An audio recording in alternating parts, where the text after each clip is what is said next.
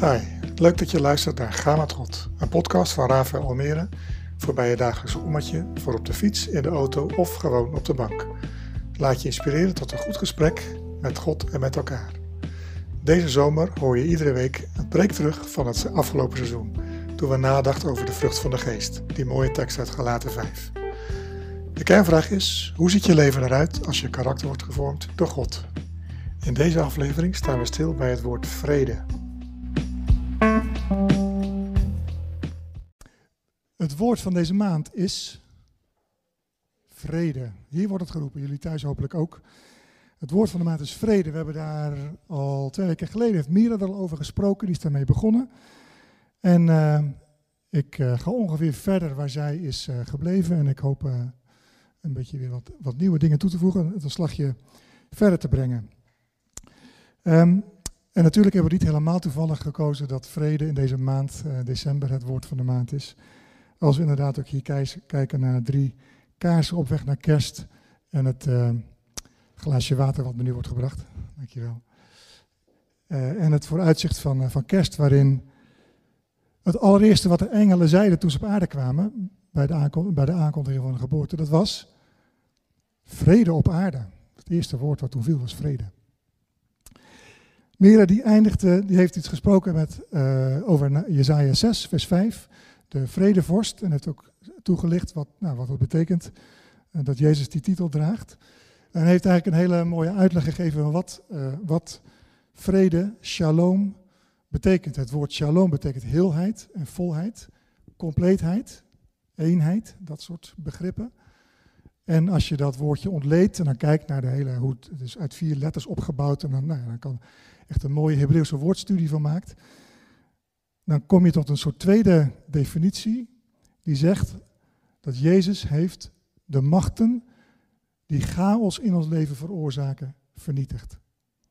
Dat is het woord shalom. Shalom betekent dat de machten, die de, de macht die chaos in ons leven veroorzaakt, is vernietigd. En dat heeft Jezus gedaan. Maar nu is de vraag, hoe? Dat is eigenlijk de vraag die ik een beetje centraal wil stellen vandaag. Hoe heeft hij dat gedaan? En wat betekent dat voor ons verder? We gaan het een beetje hebben over bloed. Ja, het is, uh, het is wat het is. Uh, en we gaan een beetje door de Bijbel heen, uh, heen en weer. Jullie weten dat ik wel van hou om wat grotere plaatjes te schetsen. Dus we gaan, heerlijk vind ik dat, weer even van Genesis naar Openbaring. En weer terug, nou niet helemaal terug, maar dan komen we weer uit ongeveer in het midden bij de Heer Jezus. Maar eerst even dit. De volgende slide, als die je doet. Doet hij hem niet? Moet ik hem aanzetten? Misschien dat dat helpt? Ja. Yes. Um, gisteravond zat Sarah te puzzelen. Deze puzzel hebben wij, die lag onder onze Sinterklaas kerstboom vorige week. En uh, dus die is op tafel uitgelegd. Uh, we eten, op de bank tegenwoordig, want uh, eh, 1500 stukjes is een grote puzzel. En Sarah was gisteravond puzzelen. En uh, ze was bezig en ze draait zich om. En ze zegt, weet je wat ik nou zo heerlijk vind? Als die puzzel klaar is en je kan er met je hand eroverheen gaan, dat die dan helemaal glad is en dat die af is. Herken je dat? Satisfying is dat, hè? Dat dat helemaal klopt. En toen dacht ik, wauw. Wat een beeld van shalom dat je je hand eroverheen strijkt, dat die heel is en dat het klopt. Dat die puzzel compleet is en dat je kan voelen, ja, dat is een eenheid. Al die stukjes die passen bij elkaar, die horen bij elkaar. Dat is één geheel. Maar Sarah was er niet zo ver. Kijk maar hierachter. Dit was, uh, dit was gisteravond. Inmiddels, we zijn weer een paar uur verder. Ziet er al wat anders uit. Uh, maar nog lang niet klaar. Dus het is stukje voor stukje zoeken. En dat is het beeld van het leven. Het beeld van shalom is die hele puzzel. En het beeld van het leven nu is misschien wel dat we vooral nog de gaten zien. Die chaos van die duizend stukjes, wat zeg ik? Ik denk dat er nog, ja, maar ik denk dat er nog meer dan duizend nog niet liggen hier, hè? dat bedoel ik. Dus, dus de chaos van die duizend stukjes die nog in die bakjes liggen, een beetje op kleur gesorteerd, maar dat klopt niet helemaal, want precies dat ene stukje, dat is niet groen-groen, maar het is blauw-groen, dus dat ligt, nou ja, fijn, je weet het hè. Het beeld van het leven, waar nog gaten in zitten en waar nog alle dingen gebeuren. Um, ik kom nog terug op die puzzel, maar ik dacht, hou dit, als je dit beeld onthoudt voor vandaag, dan heb ik mijn werk gedaan. We zeiden al, die centrale vraag, hoe heeft Jezus nou die vrede gebracht? En in Colossens, in Colossense 1, vers 19 en 20 staat daar deze, het is een stuk van een langere tekst, een soort, soort gedicht wat daar in het eerste hoofdstuk wordt genoemd van Colossense. Heel blij dat in de nieuwe vertalingen dat ook zo, dat je dat zo kan zien in je Bijbel. En er staat aan het eind, in hem, in Jezus Christus, heeft heel de volheid willen wonen en door hem en voor hem alles met zich willen verzoenen. Alles op aarde en alles in de hemel, door vrede te brengen met zijn bloed aan het kruis. Het gaat om die laatste zin natuurlijk. Hè? Dus het hoe is het dan gebeurd? Hij heeft vrede gebracht met zijn bloed aan het kruis. Het is een begrip waar als je je hele leven in de kerk komt, uh, hoor je dat. En je, dat is vanzelfsprekend. En we zeggen dat in onze gebeden makkelijk op. Het is een soort formulering geworden. Maar laat even tot je doordringen wat hier staat. Dat er vrede gebracht is door bloed aan een kruis. Dat klinkt gewoon niet fijn. Dat klinkt, dat klinkt gewelddadig. Dat klinkt, daar is iets voor. Bloed is iets waar altijd iets, er is iets stuk. Klopt niet. Bloed hoort achter je huid te zitten, vast te houden. Als er bloed ergens is, dan is er iets gebeurd wat op een bepaalde manier, nou ja, geweld of onrecht of pijn of uh, schade heeft veroorzaakt. En ik wil dat jullie even die tegenstrijdigheid voelen in het begrip dat er vrede is gebracht door het bloed van Jezus aan het kruis. En ik wil dat je even die spanning extra voelt door nu even na te denken over die Bijbel van Genesis tot Openbaring. En even met mij mee gaat voelen dat die Bijbel vol staat met allemaal verhalen over bloed en onrecht en geweld en pijn en schade en dingen die stuk gaan en dingen die niet kloppen. Dus hoe kan die vrede er nou komen? Hoe kan er nou vrede zijn door bloed? Hoe kan er vrede zijn door iets wat blijkbaar toch, ja, lijkt het in ieder geval, geweld, uh, pijn, onrecht en zoals wat het allemaal met zich meedraagt. En daarvoor maken we even een reis. We gaan in grote stappen. Uh, het is een groeizondag, dus ik neem wel de tijd. Maar we gaan uh, proberen een aantal stappen door de Bijbel heen te gaan. Dus als je de Bijbel hebt of je app, dan uh, mag je eerst eens even naar Genesis 4 gaan. Het allereerste verhaal.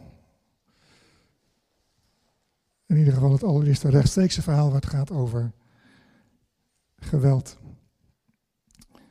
Ik vroeg aan wat is het eerste verhaal wat gaat over geweld? En die wist natuurlijk weer dat er nog iets voor staat. Maar dat, dat, uh, dat is voor de Bijbelvreters. Genesis 4, vanaf vers, um, dat gaat over Kain en Abel, de zonen van Adam en Eva. De eerste mensen. En ik lees het vanaf vers uh, 8. Um, daarvoor, daarvoorafgaand is, uh, Kain is een uh, veehouder en Abel is een landbouwer. En ze offeren allebei aan God. Maar God neemt wel het offer van Abel aan, maar niet van Kain. En dan in vers 8 staat er, Kain zei tegen zijn broer Abel, laten we het veld ingaan. Toen ze daar waren, viel hij zijn broer aan en sloeg hem dood. Toen vroeg de Heer, waar is Abel, je broer? Dat weet ik niet, zei, Kain. Moet ik soms waken over mijn broer? Of in de oude vertaling, ben ik mijn broeders hoeder? Wat heb je gedaan, zei de Heer. Hoor toch hoe het bloed van je broer uit de aarde naar mij schreeuwt. Daarom, vervloekt ben jij. Ga weg van deze plek waar de aarde haar mond heeft opengesperd om het bloed van je broer te ontvangen. Het bloed dat jij vergoten hebt. Ook al bewerk je het land, het zal je niets meer opbrengen. Dolend en dwalend zul je over de aarde gaan. Kain zei tegen de Heer, die straf is te zwaar. U verjaagt mij nu van deze plek en ik mag u niet meer onder ogen komen. En als ik dan dolend en dwalend over de aarde moet gaan, kan iedereen die mij tegenkomt mij doden. Maar de Heer beloofde hem, als ik jou dood, zal het zevenmaal aan hem worden gewroken. En hij merkte Kaan met een teken, opdat niemand die hem tegenkwam hem zou doodslaan. Ik zei het al, hè, de eerste geweldsdaad die we, waarover we lezen in de Bijbel en helaas niet de laatste. Kain die zijn broer Abel vermoord. En ik, we hebben het even gelezen en ik, ik weet niet wat het, met je, wat het met je doet als je het verhaal leest. Ehm, mij vallen een paar dingen op. En uiteraard eerst het feit dat Kain die stap zet om zijn broer te doden. Ik heb het zelf net niet gelezen, maar het uh, vers daarvoor staat dat, um, dat Kain ging, hij keek donker. De Heer zegt tegen Kain, waarom kijk je zo donker? Er was iets in, in hem geslopen, er was boosheid gekomen in Kains hart, waardoor hij kwam tot die daad. Maar wat mij,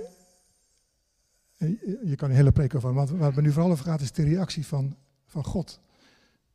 En daar vallen een paar dingen op, hoe God reageert op deze eerste geweldsdaad. God is ontzet van wat er gebeurt. Als je leest hoe God, wat, wat hij zegt, wat God zegt. Wat heb je gedaan? Hoor je niet hoe het bloed van je broer schreeuwt uit deze aarde?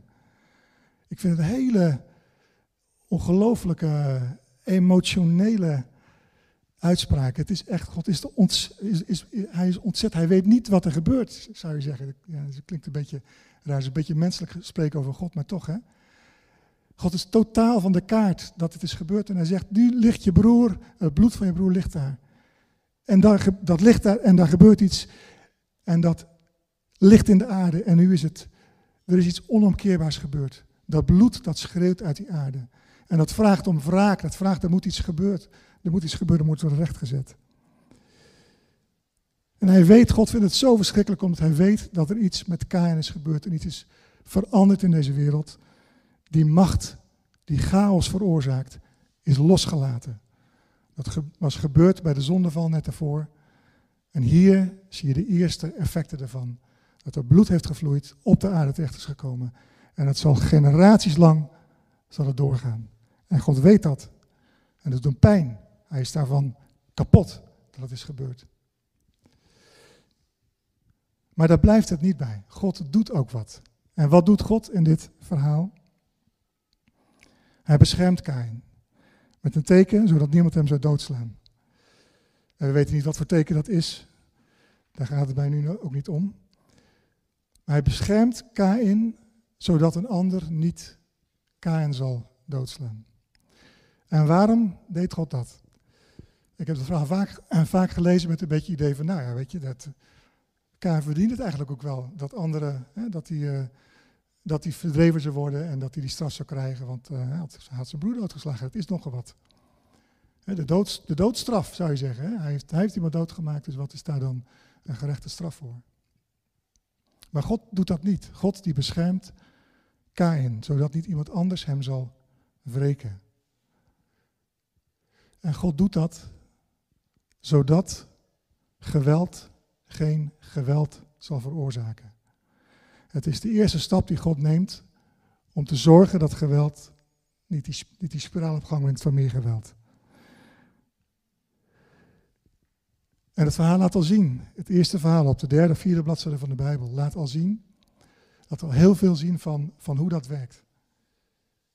Er is een directe relatie tussen boosheid in het hart van Kain en zijn gedrag, het doodslaan van zijn broer.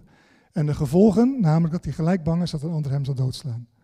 Dus vanuit de boosheid van het hart van Kain komt iets voort wat een, wat een sneeuwbal op gang kan brengen van geweld op geweld op geweld.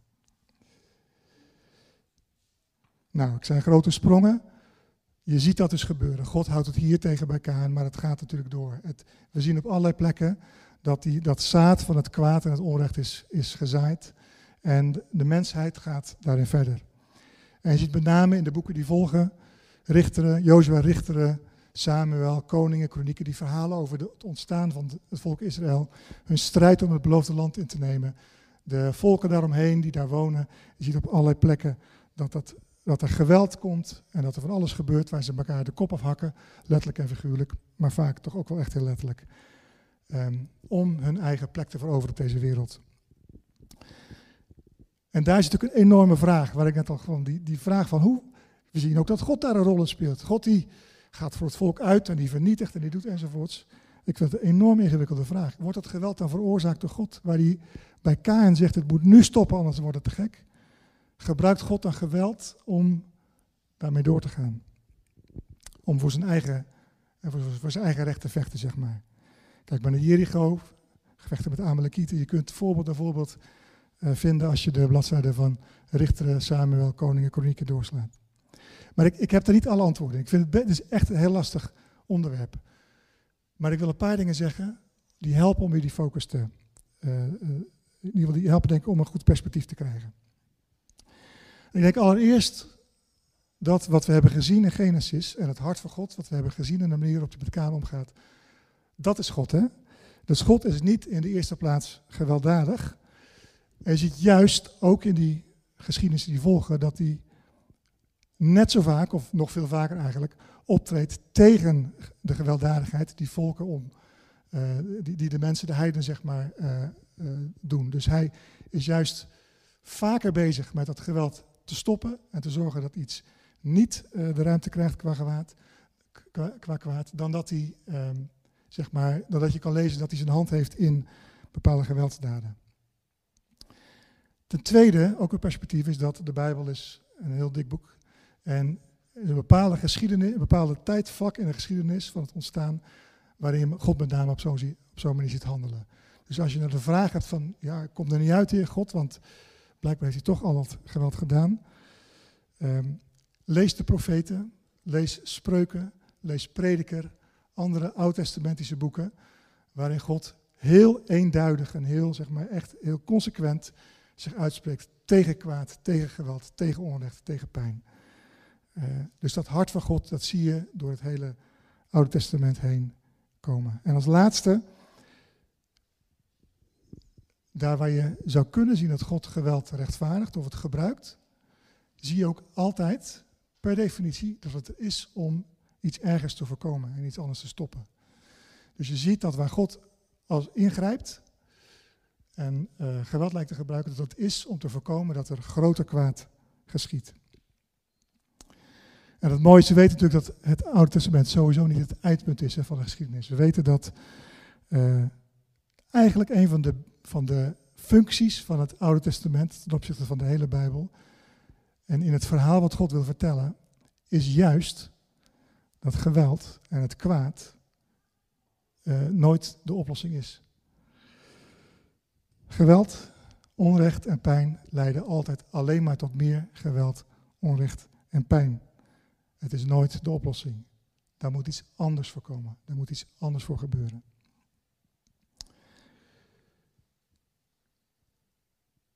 Dan gaan we naar het Nieuwe Testament. Daar komen we aan bij de hoofdpersoon waar we het over gehad hebben. Bij Jezus. In het Nieuwe Testament, heeft Mira vorige week ook, twee weken geleden ook al verteld, hè, dat, dat gat, die stilte hier lag waar de God wel degelijk heeft gesproken. In Matthäus komen we uit bij, in het Nieuwe Testament komen we uit bij Matthäus, in hoofdstuk 5. En eigenlijk vrij snel nadat Jezus uh, begint met zijn optreden en het koninkrijk van God gaat prediken, het evangelie gaat brengen, het goede nieuws. Wat zegt hij in die prachtige zaligsprekingen? Daar zegt hij, zalig zijn de vredestichters, want voor hen is het koninkrijk van God. Onmiddellijk zie je dat God door Jezus heen de echte boodschap brengt. Het koninkrijk van God is een koninkrijk van vrede en recht en vreugde, zoals het zo mooi omschreven staat. En dat zie je consequent in de hele boodschap van de Heer Jezus. Op het moment dat hij zelf erop uitgaat, gaat vertellen. We hebben het hele Lucas-evangelie uit het daarna besproken.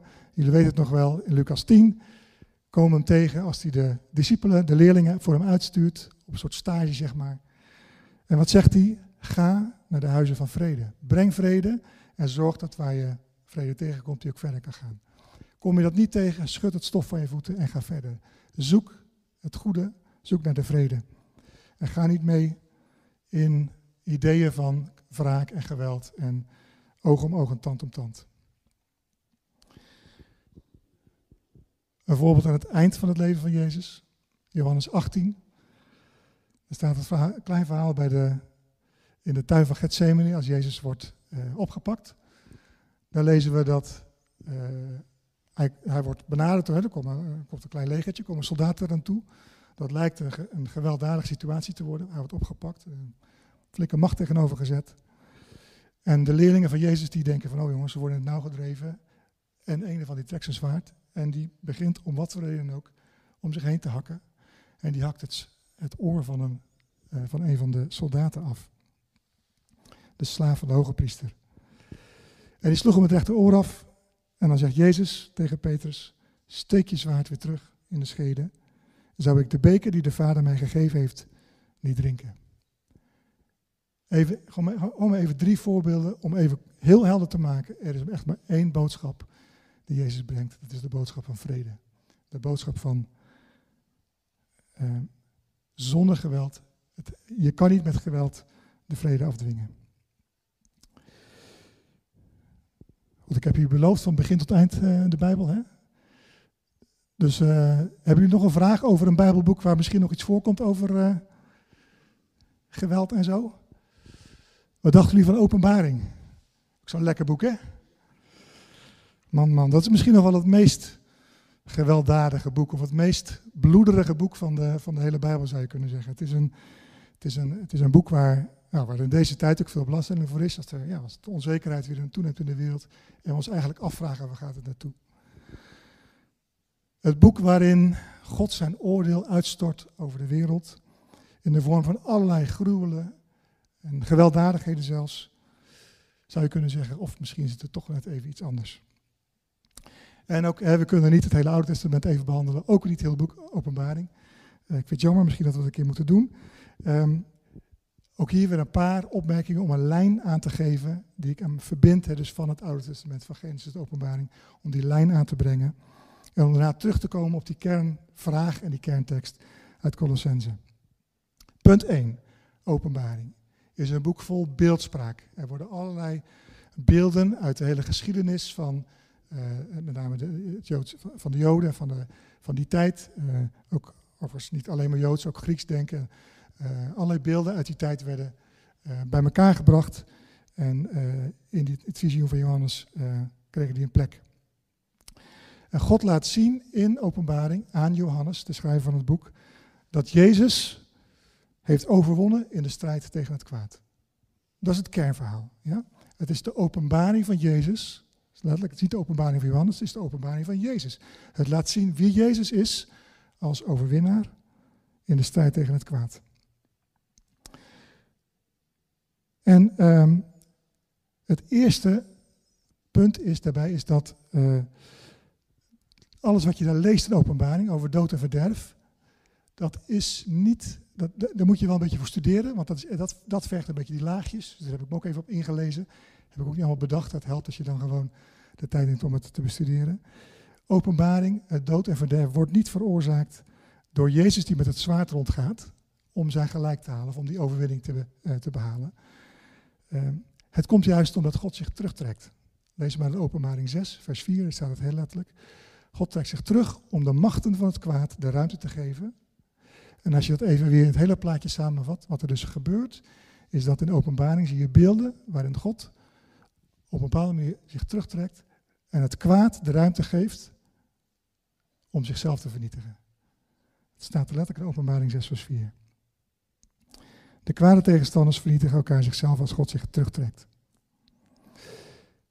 En het tweede is dat er, zoals ik al zei, gebruik wordt gemaakt van beeldspraak die bekend was in die tijd, die we ook nog wel herkennen, als het gaat om oorlog en strijd en nou ja, oorlog en vrede, oorlog en strijd. Maar dat juist weer de crux is, zoals we dat op zoveel plekken zien, en ook heel vaak in, eh, de behandeling van Lucas hebben gezien, God draait de dingen om. Of hij zet ze weer recht, is beter hoe je het bekijkt, maar hij draait de dingen om. Dus in die beeldspraak van die oorlog en die veldslagen en, en dat uh, beeldspraak van het geweld, worden dingen omgedraaid. En het eerste, misschien wel het meest, meest bijzondere, is dat het beeld van kracht wordt allereerst geïntroduceerd met een leeuw.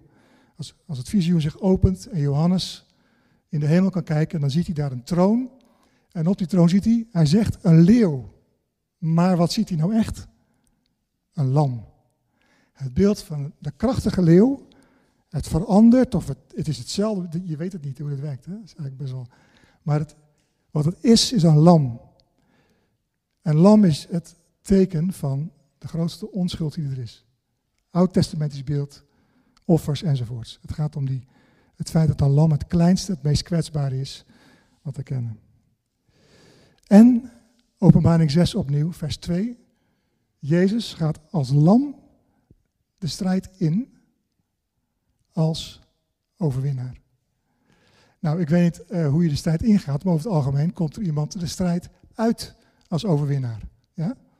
Dus je gaat, je gaat vechten met elkaar, je hakt elkaar de kop af.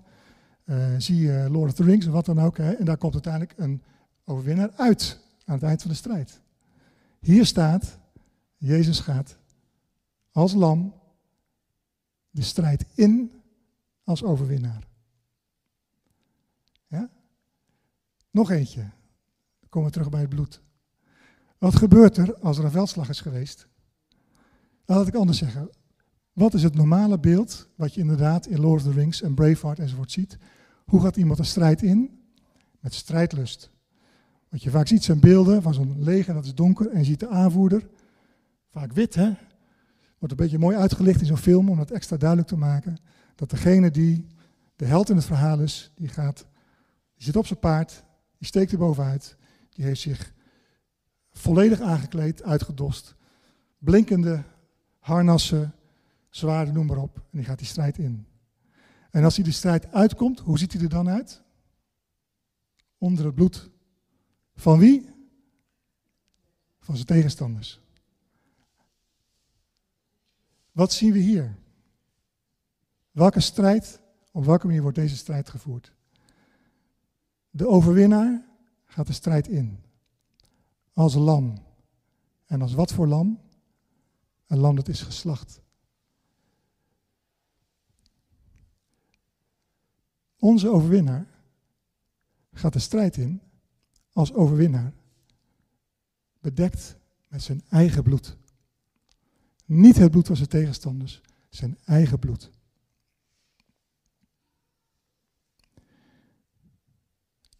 En het meest bizarre moet dan nog gebeuren. Want wie komen er wel uit die strijd? In de, in de openbaring worden allerlei, ook weer allerlei metaforen en beelden voor gebruikt. Maar wij, de mensen die gekocht zijn door het bloed van het lam, ja, voor wie de Heer Jezus die strijd is aangegaan, wij komen uit die strijd. En hoe, hoe komen wij uit die strijd? Ook openbaring 6, weer een paar versen verderop.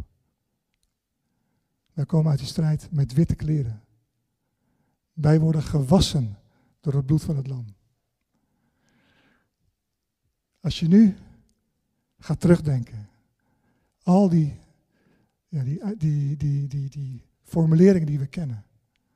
Het zijn totale omkeringen van hoe het kwaad probeert zijn macht te oefenen. Door destructie, door, door dood, door verderf.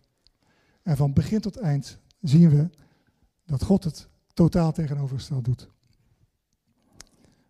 Wij zijn gewassen in het bloed van het lam.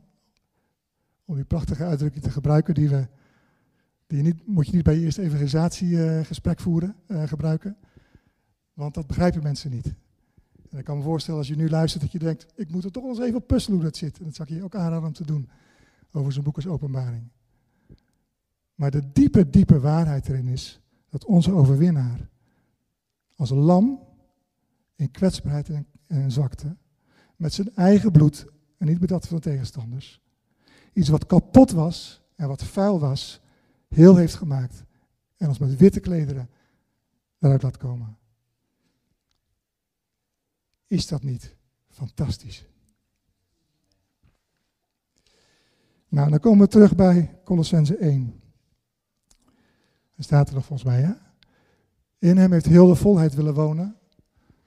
En door hem en voor hem alles met zich willen verzoenen. Alles op aarde en alles in de hemel door vrede te brengen met zijn bloed aan het kruis. Er heeft bloed gevloeid, niet van de tegenstanders, maar van de Heer Jezus zelf. En uh, Greg Boyd, uh, een van mijn favoriete Amerikaanse denkers, uh, sprekers, die heeft een hele prachtige serie over, openbaringen, kan ik je aanraden als je er meer over wil weten. die zegt dit, en ik citeer hem in het Engels, probeer ik hem na te vertalen. Ik heb hem volgens mij zo staan. Had je hem al? Oh, The only thing that has any hope of escaping the cycle of endless violence. Dus het enige dat ons hoop geeft dat dit, die spiraal van geweld kan doorbreken, is de kracht van de shalom. En die kracht van de shalom ziet er altijd uit als Golgotha. Bereid zijn om zelf te bloeden in plaats van anders te, anderen te willen laten bloeden. Het hele beeld gaat uiteindelijk over de zelfopoffering van de Heer Jezus voor ons en om die machten van het kwaad te vernietigen.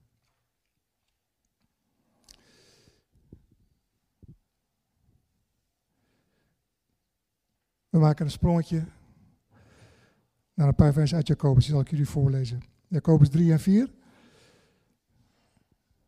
Er staat, waar komt al die strijd, waar komen al die conflicten bij u toch uit voort?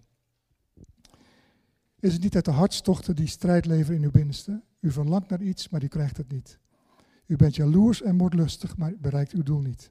U bekvecht en twist met elkaar. U krijgt niets omdat u niet bidt. En als u bidt, ontvangt u niets omdat u verkeerd bidt. U wilt alleen uw eigen hartstocht bevredigen. Pittige tekst, hè? Waar jaloezie en egoïsme heersen, vieren wanorde en allerlei kwaad hoogtij. De wijsheid van boven daarentegen is voor alles zuiver. En verder, vredelievend, mild en meegaand. Ze is rijk aan ontferming en brengt niets dan goede vruchten voort. Ze is onpartijdig en oprecht. Waar in vrede wordt gezaaid, brengt gerechtigheid en vruchten voort voor hen die vrede stichten. Nou, waarom lees ik deze tekst? Omdat we van Genesis naar Openbaring heel erg, het kan heel erg nog ver van je afstaan. Ja, het kan een heel mooie theorie zijn. Maar het zit dichtbij, het zit hier en nu in ons hart. En dat brengt Jacobus dichterbij. Die strijd en die conflicten lagen niet alleen maar bij Kai en toen, of later ergens, of in, in, in een plaatje, een beeld van een soort eindtijd ver weg. Die strijd en die conflicten, die jaloezie, egoïsme, al die dingen zitten in jou en mijn hart. Die boosheid, waar Kain mee moest dealen, die kan ook in mijn of jouw hart zitten. Ik had laatst, uh, reed ik uh, de stad uit en er, uh, schoot op een kruispunt nog in de stad schoot er een motorrijder vlak langs mijn auto zo voor me langs. En ik, alles overeind, toch jongens, hier is dat erbij. Gelijk toeteren ik, hè. Echt. Zou je misschien niet, is echt zo hoor. Helemaal, ah. Er zitten dingen in jezelf dat je denkt, nou, waar is het nou voor nodig? Denk je dan natuurlijk achteraf, is alles, denk je, dat is wel nergens voor nodig. Maar, maar dat, en dat zijn de dingen waar Jacobus het over heeft. Uiteindelijk komt het terug op jou en mijn keuzes die je elke dag maakt. Om niet die boosheid, niet die jaloezie, niet die egoïsme, niet al die zaadjes van al dat soort uh, gevoelens uh, uh, en gedachten ruimte te geven. Maar om shalom, heelheid, eenheid, vrede, compleetheid na te streven. En dat begint dus heel dichtbij. Bij jezelf, Mark, als er zo'n motorrijder komt, geef hem genade. Je man of je vrouw, kan van alles gebeuren in een huwelijk en in een relatie, noem maar op. Je ouders, je kinderen, familie, straat, collega's. Volgers op Facebook en Twitter, wat laat je hen zien. En het gaat niet vanzelf. Het gaat niet vanzelf, het is echt best hard werken. En ook dat mag je verbinden aan het grote plaatje. Het is hard werken voor God, zou ik maar zeggen. Het heeft hem alles gekost om die vrede te brengen. En wij mogen daarin meegaan om die vrede verder te brengen.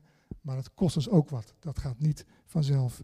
Het is niet een fijn zen-idee, sauna muziekje op en uh, achterover hangen en een beetje inner peace bewaken. Het is hard werken om echt te dealen met die gevoelens en vrede te stichten. Vrede sluiten is moeilijker dan oorlog maken, zei, de onder, zei degene die de oorlog in Noord-Ierland zo'n beetje is begonnen. En hij is tot inkeer gekomen, gelukkig. Maar hij ontdekte dit. Die puzzel is nog niet af. Ik zei het al, onze taak, eigenlijk zou je kunnen zeggen, we zien dat die wereld is zoals, dat, zoals die puzzel op het eerste plaatje met de gaten er nog in. En onze taak is gewoon om die stukjes te gaan leggen. Stuk voor stuk. En dat duurt. En daar ben je mee bezig. En je moet zoeken naar het juiste stukje op de juiste plek. En dat duurt lang. Dat kan je hele leven duren. Het duurt misschien nog wel langer dan jouw leven voordat die vrede, voordat die puzzel compleet is en die vrede compleet is. Maar Sarah deed gisteravond ook iets. Die streek namelijk over dat ene stukje waar de puzzel al wel af was. En soms zijn er van die stukjes, van die glimpen, van die plekken in ons leven we zeggen, hé, hey, hier, hier klopt het. Hier, heerst vrede. Het is geen utopie, de vrede van God in je leven is geen utopie. Het bestaat, het is echt. We weten dat het grote plaatje nog niet compleet is. Laat het maar gaan. Die zijn met, met z'n allen aan het leggen, die puzzel. Maar leg je eigen stukjes. En strijk er af en toe overheen. En voel bij jezelf dat je een glimpje van de hemel voelt. De vrede van de Christus die op een dag deze aarde zal regeren. Amen.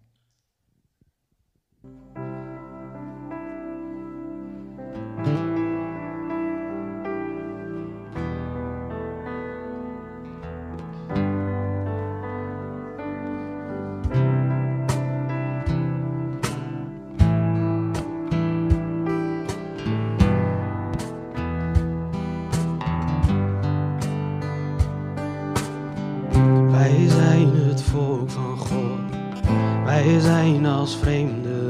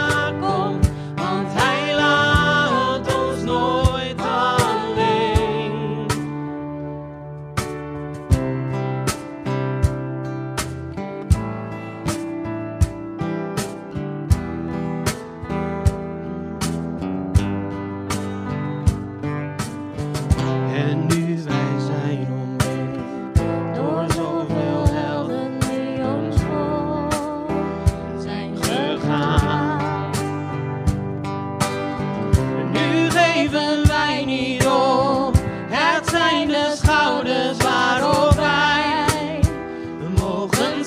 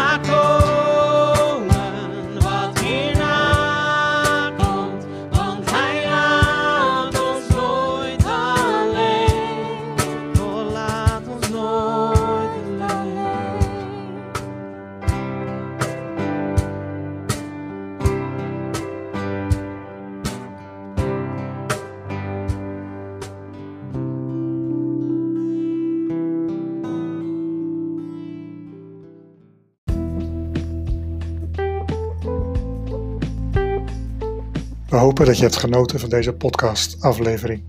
Heb je vragen of wil je doorpraten? Laat het ons weten via ravenalmere.nl. Tot de volgende keer.